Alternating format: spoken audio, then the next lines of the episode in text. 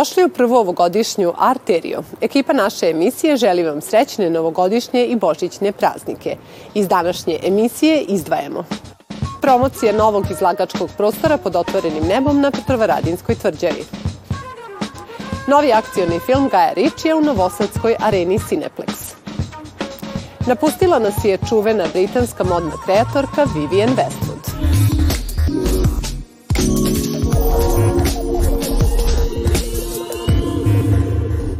Izložbom Moja tvrđava autora Branislava Radoševića Galerija ITD promoviše novi izlagački prostor u eksterijeru. U specijalno izrađenim vitrinama od stakla i metala, pričvršćenim na spoljnim zidovima galerije, započinje nova izlagačka praksa kojom galerija kreće i pravi iskorak ka publici, posmatraču, konzumentu umetničkog dela. Ovakvom prezentacijom umetničkih dela galerija ITD i Utruženje za afirmaciju multimedijalne umetnosti Mali umetnički kolektiv najavljuju novu izlagačku praksu u narednim godinama. Branislav Radošević, današnji gost Arteri. Dobrodošli u našu emisiju. Šta je obuhvaćeno izložbom Moja tvrđava i kome je namenjena? Ima serija uh, serigrafija, to je jedan crtež koji je korišćen da bi se proizvele sasvim različite grafike. Zašto i kako?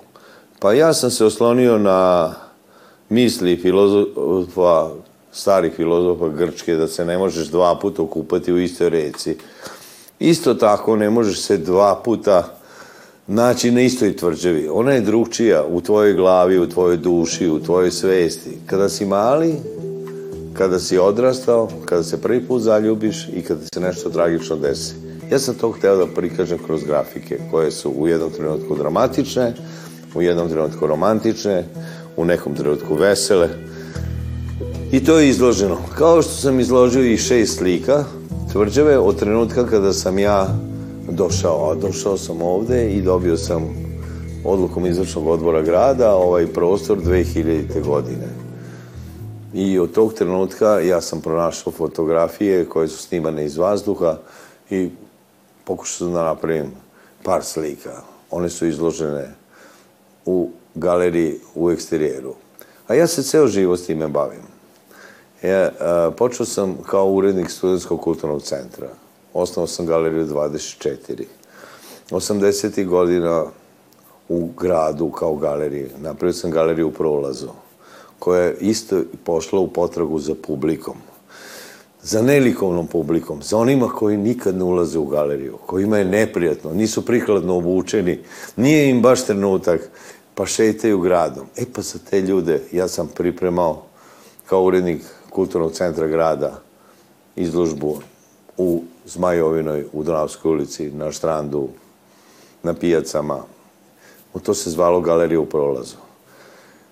Vreme je prošlo. Ja sam na Petrovaradinskoj tvrđavi. Na tvrđavu dolaze razni ljudi. I ti razni ljudi nisu svi likovna publika. E pa njima sam hteo da približim umetničko delo. A drugo, i hteo sam da napravim iskorak iz moje galerije. Ja u ovom trenutku imam tri izložbe na Petrovaradinskoj tvrđavi. Imam galeriju u eksterijeru, na uličnu galeriju, imam galeriju u prostoru i ima malu galeriju, galeriju kreativnih darova i umetničkih suvenira. Poznato je da vaša galerija okuplja kreativne vojvođanske dizajnere. Šta je poruka njima u 2023. godini? Budite kreativni. Budite svaki dan novi. Svaki dan je izazov. Nemojte stajati. Budite hrabri. Idite napred. Nema nazad. Koji su planovi za ovu godinu? Šta očekuje ljubitelje umetnosti u vašem prostoru?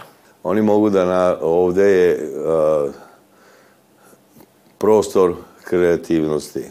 Oni će ući u jedan lonac koji ključa i koji stalno izbacuje nove plodove. Mi stalno nešto kuvamo i zakuvavamo, ali dokuvavamo do kraja. Naravno da vam na početku godine neću reći šta će se sve dešavati. Dođite svakodnevno. Ovde nije dosadno.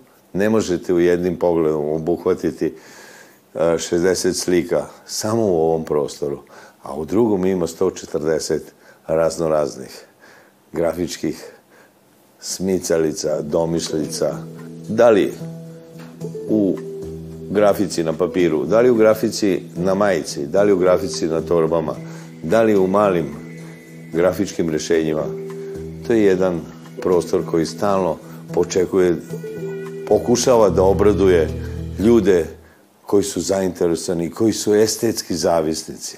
Za te estetske zavisnike mi ovde na Petrovaranskoj tvrđavi se trudimo da uvek imamo nešto novo.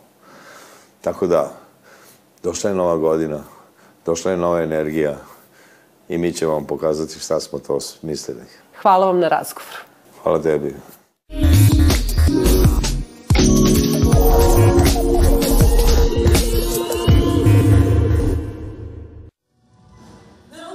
Posle velikog uspeha u zemljama regiona ABBA Symphonic Show i pred zrenjaninskom publikom. Ideja nastala 2021. godine, ovoga puta pretvorena je u celovečernji koncert pod dirigentskom palicom Mikice Jevtića. Svakako mi je drago da je to prvi koncert u zvanično drugoj koncertnoj sezoni Zrenjinske filharmonije, odnosno Zrenjinskog kamernog orkestra. Ove godine nas očekuje više koncerata e, Zrenjaninske filharmonije. Prošle godine je bilo e, ukupno pet koncerata, od toga je četiri bilo kamernog orkestra. Sa Zrenjaninskom filharmonijom nastupila je kao violinistkinja Dragana Milošević, pokrajinska sekretarka za kulturu, javno informisanje i odnose sa verskim zajednicama.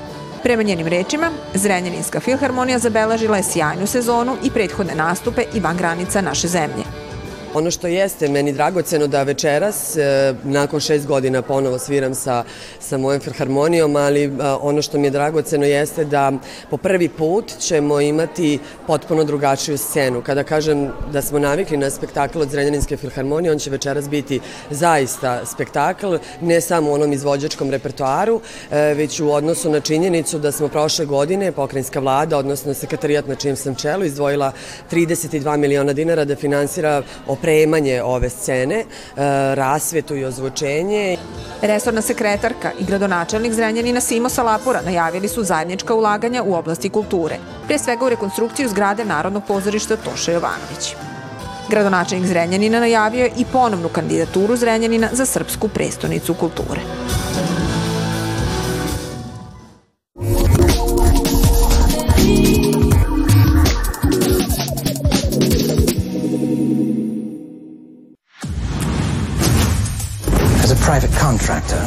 Kada neki reditelj snima i kreira filmove ne često, ali kvalitetno, znate da će se o finalnom proizvodu dugo pričati.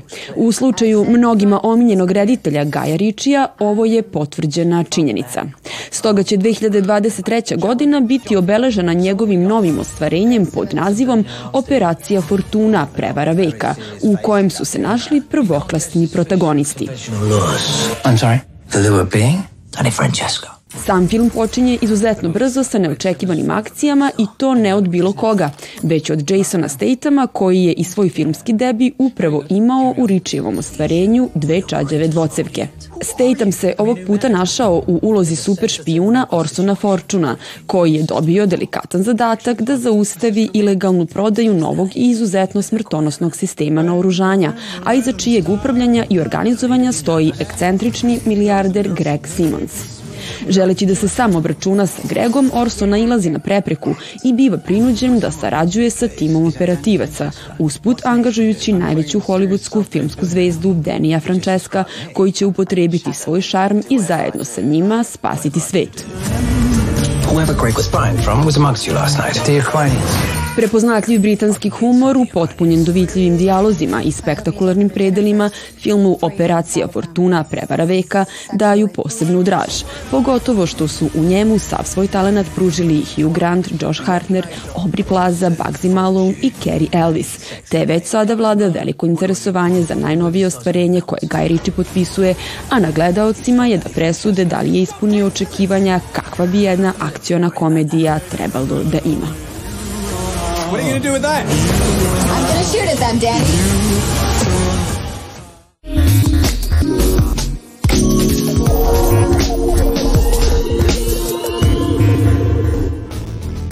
Modna dizajnerka, ikona panka Vivienne Westwood preminula je u svom domu u Londonu krajem prošle godine.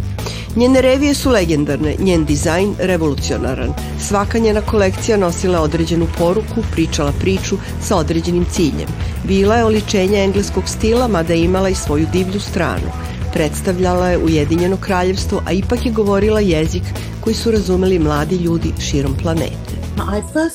Prvi put sam je videla kako sedi na Kings Roadu, koji je bio epicentar modne industrije 70. i 80. godina. Izgledala je šarmantno, a onda kada biste videli lude stvari koje radi, to je bilo tako britanski. Sa jedne strane izgledalo je da želi da izgleda kao engleska kraljica, a sa druge da želi da sačuva svoju divlju stranu. Kao osoba koja je oblačila Sex Pistolse, Vivian je ostala simbol punk roka 70-ih. Obeleže beskompromisne pobune nekoga čije ime postalo trademark Velike Britanije. Ona je punk prevela u mainstream i to u vremenu kada modi to nije bilo svojstveno. Sve što je radila nosilo je globalnu poruku. Imala je kampanje za nuklearno razoružavanje, klimatske promene i davala je podršku grupama za ljudska prava. Njeni manekeni na pisti nosili su majice koje su zahtevale oslobađanje Julijana Assangea, osnivača Wikileaksa. Fasciniralo me je da u trenutku kada su modni kreatori završili svoje karijere, ona je počela novu, koja se sastojala u tome da osvesti ljude u kakvom svetu žive. Družila se sa mladima, delila je iste stavove sa njima, čak i kada se približila 80. godinama. Potreba za recikliranjem prožimala je njen rad i stalno je ponavljala da treba kupovati manje, birati kvalitetnije. Od ranih 60-ih živela je nekih 30 godina u malom stanu u južnom Londonu i na posao išla biciklom. Pinokio, to je moja životna filozofija, govorila je. Tako nestašan, tako buntovan, ali sa zlatnim srcem koje ga je na kraju i spasilo. To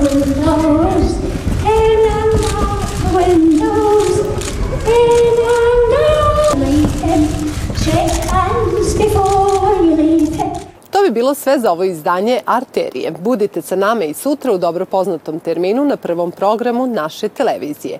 Emisiju možete pogledati na sajtu RTV-a u odeljku za odloženo gledanje. Do sledećeg susreta, svako dobro.